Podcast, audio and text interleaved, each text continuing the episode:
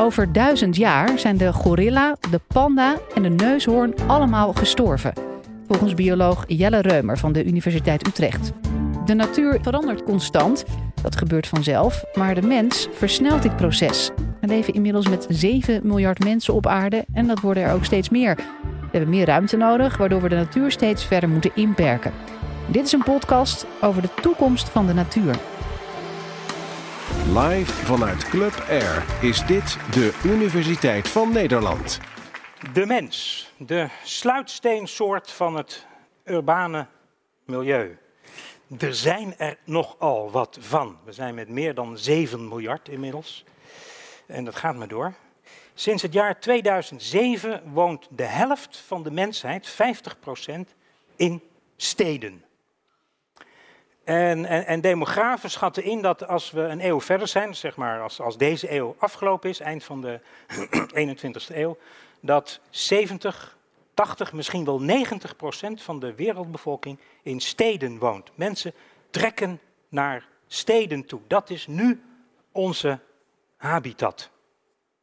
Daar zijn we ook helemaal aan aangepast. Sterker nog, wanneer wij onszelf zouden verplaatsen naar waar we 200.000 jaar geleden vandaan zijn gekomen, de savanne van Oost-Afrika, zouden we binnen een week zouden we het loodje leggen. We weten niet meer hoe we aan ons eten moeten komen.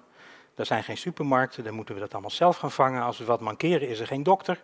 We zijn helemaal aan die stad aangepast. En je ziet dat in een enorm tempo toenemen, dat percentage mensen dat, uh, dat in de stad woont.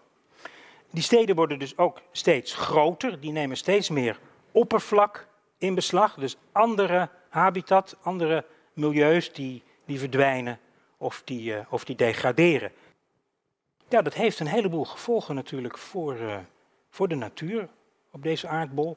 En er wordt over het algemeen wel geroepen dat we nu bezig zijn met het veroorzaken van de zesde grote uitstervingsgolf.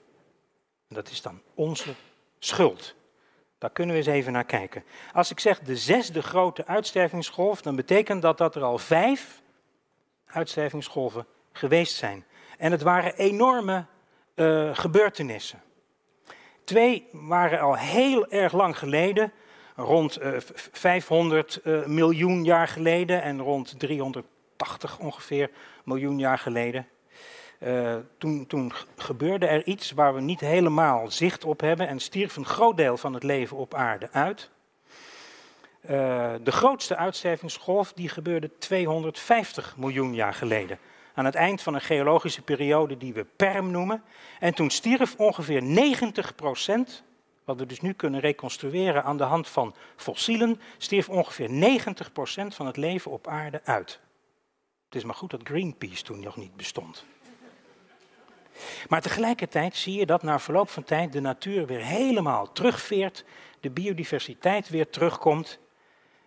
En, en, en dan krijg je het nog een keer. Die, die, die gebeurtenis van 250 miljoen jaar geleden, die werd vrijwel zeker veroorzaakt door enorm vulkanisme, maar dan echt heel enorm vulkanisme in, uh, in Siberië. Rond 200, 201 miljoen jaar geleden nog een keer en ongeveer 66 miljoen jaar geleden nog een keer. Die van 200, 201 miljoen jaar geleden, daar zijn de deskundigen ook nog niet helemaal over eens of daar vulkanisme een rol speelde. Uh, en dan bedoel ik niet zoiets minuscuuls als dat ding bij IJsland wat een paar jaar geleden ontplofte. Nee, echt flink vulkanisme waardoor de aarde een aantal jaren verduisterd raakt zure regen, planten sterven af, enorme erosie, alles spoelt naar de oceanen, waar dan vervolgens ook alles doodgaat. Echt een enorme impact. Uh, en een andere reden zou kunnen zijn meteorietinslagen. Die van 66 miljoen jaar geleden is inmiddels helemaal toch wel 99,99% ,99 zeker aangetoond door een meteorietinslag veroorzaakt. Uh, dat was de gebeurtenis waarbij onder andere ook de dinosaurussen uitstierven. Die van 200, 201 miljoen jaar geleden wordt nog een beetje over gediscussieerd. Er waren toen ook meteorietinslagen. Dit stuk steen heb ik een paar jaar geleden zelf uh, meegenomen uit Zuid-Frankrijk. Waar, en dat weet eigenlijk bijna niemand, een, een impactkrater is van 20 kilometer diameter. Er is een enorm rotsblok naar beneden gezeild, uh, iets ten westen van Limoges. En het is daar neergeploft. En dan heb ik het over een ding van, van uh, honderden meters diameter. En dat komt dan met een snelheid van, ik, ik, geloof iets van 70 kilometer per seconde of 80 kilometer per seconde naar beneden. Dat ploft op de aarde. Dat geeft zoveel energie los dat daarmee dat hele gebied smelt en omhoog wordt geworpen. En dat gesteente dat dwarrelt vervolgens weer neer en dat stolt. En dan krijg je dit, die, die, die enorme plak, opgeworpen, vloeibaar geworden en weer neergekomen, neergedaalde en, en vervolgens gestolde gesteente. Er sterft dus een heleboel uit tijdens zo'n gebeurtenis, vulkanisme, meteorieten. 60 tot 90 procent van het leven verdwijnt. Nu op dit moment sterft ook heel veel uit. De mate waarin, moet ik zeggen, valt eigenlijk nog wel mee. We zijn echt nog niet toe aan het uitsterven van 60 tot 90 procent van de soorten op aarde. Dan zou het er wel anders uitzien. De snelheid waarmee het gebeurt is wel enorm. Want sinds de mens bezig is om als keystone species die aardbol helemaal in beslag te nemen, zijn we nog maar een paar duizend jaar bezig. De alleroudste steden, en we hebben het over stadsnatuur, stadsecologie. De alleroudste steden zijn ongeveer 5.000, 6.000 jaar oud. Dat het gebied van India, Perzische Golf. En daarna krijg je de steden van Egypte en, en het oude Griekenland en, en, en, en Rome. En dat gaat daarna door. En we hebben natuurlijk nog hele jonge steden. Ik bedoel, Almere en Lelystad, die bestaan nog niet zo lang. Maar ook daar zie je dit soort stadsecologische verschijnselen natuurlijk. Ook daar groeit liggend vetmuur en straatgras tussen de klinkers. Ehm, dus het is een heel jong ecosysteem. Dus we zijn pas net bezig als mens om de zaak een beetje ja, te, te veranderen of te verzieken. Het is maar hoe je er tegenaan kijkt.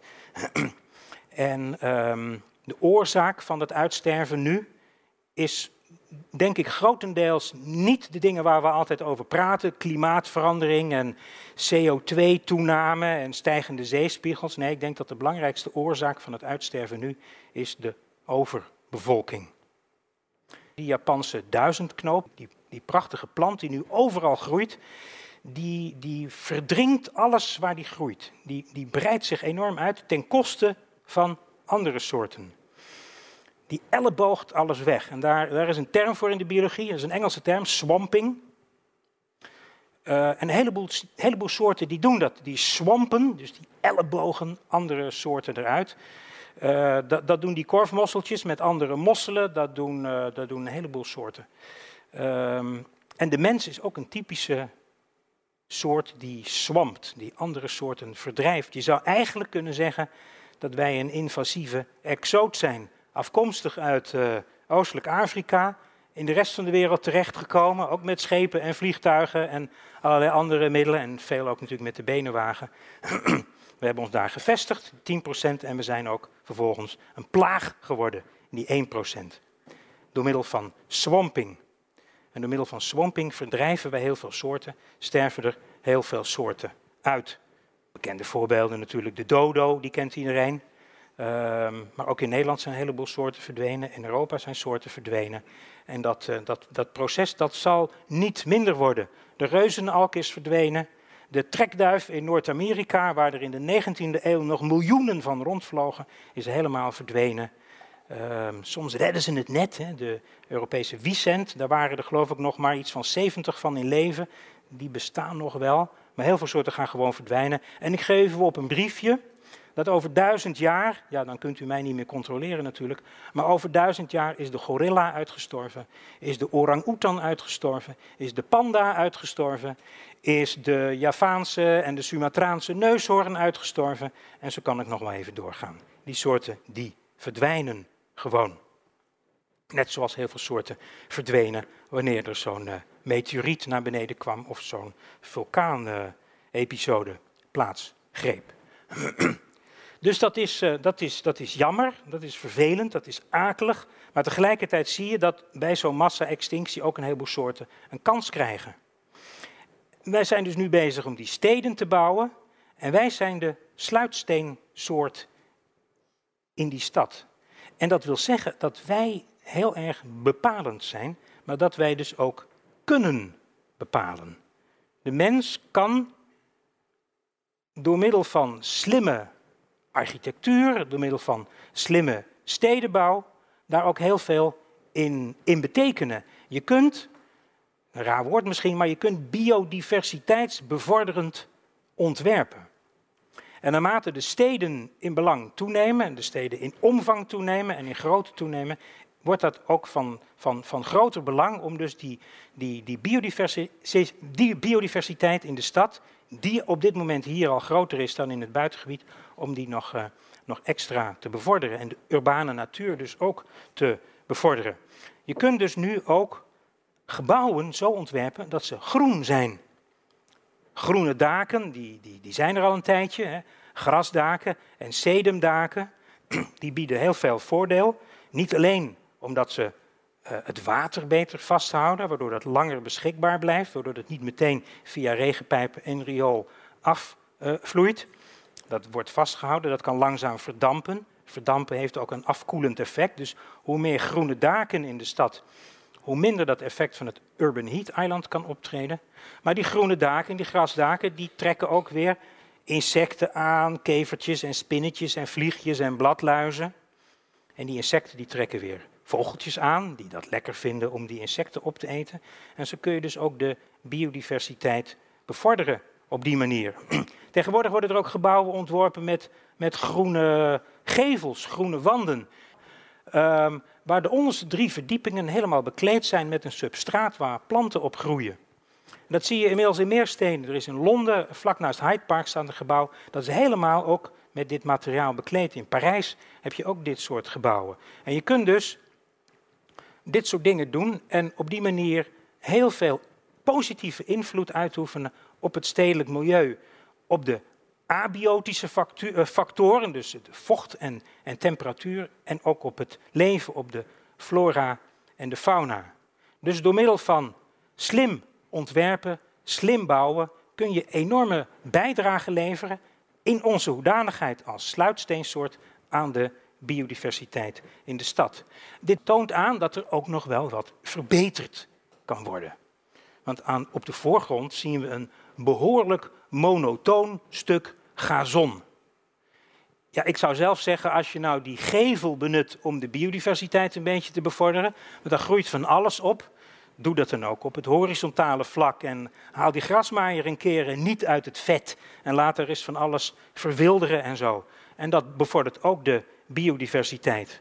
Dat gebeurt in Nederland overigens, godzijdank, wel op grote schaal. Dat begon tientallen jaren geleden al met, met, met, met stedenbouwers. Uh, Leroy in Heerenveen is daar al een hele tijd geleden mee begonnen, al een generatie geleden. En dat zie je steeds vaker. Maar je kunt daar ook gewoon als burger enorm aan, uh, aan bijdragen.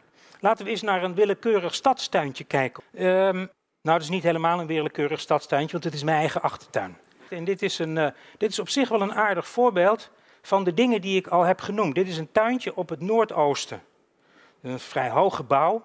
En hier schijnt eigenlijk bijna nooit de zon. Vochtig is het er altijd. En doordat het op het noordoosten is, is het ook aan de, aan, de, aan, de, aan de lijnzijde van het gebouw. Het waait er bijna nooit, dus het is er heel rustig en stil. Het is er vochtig, het is er donker.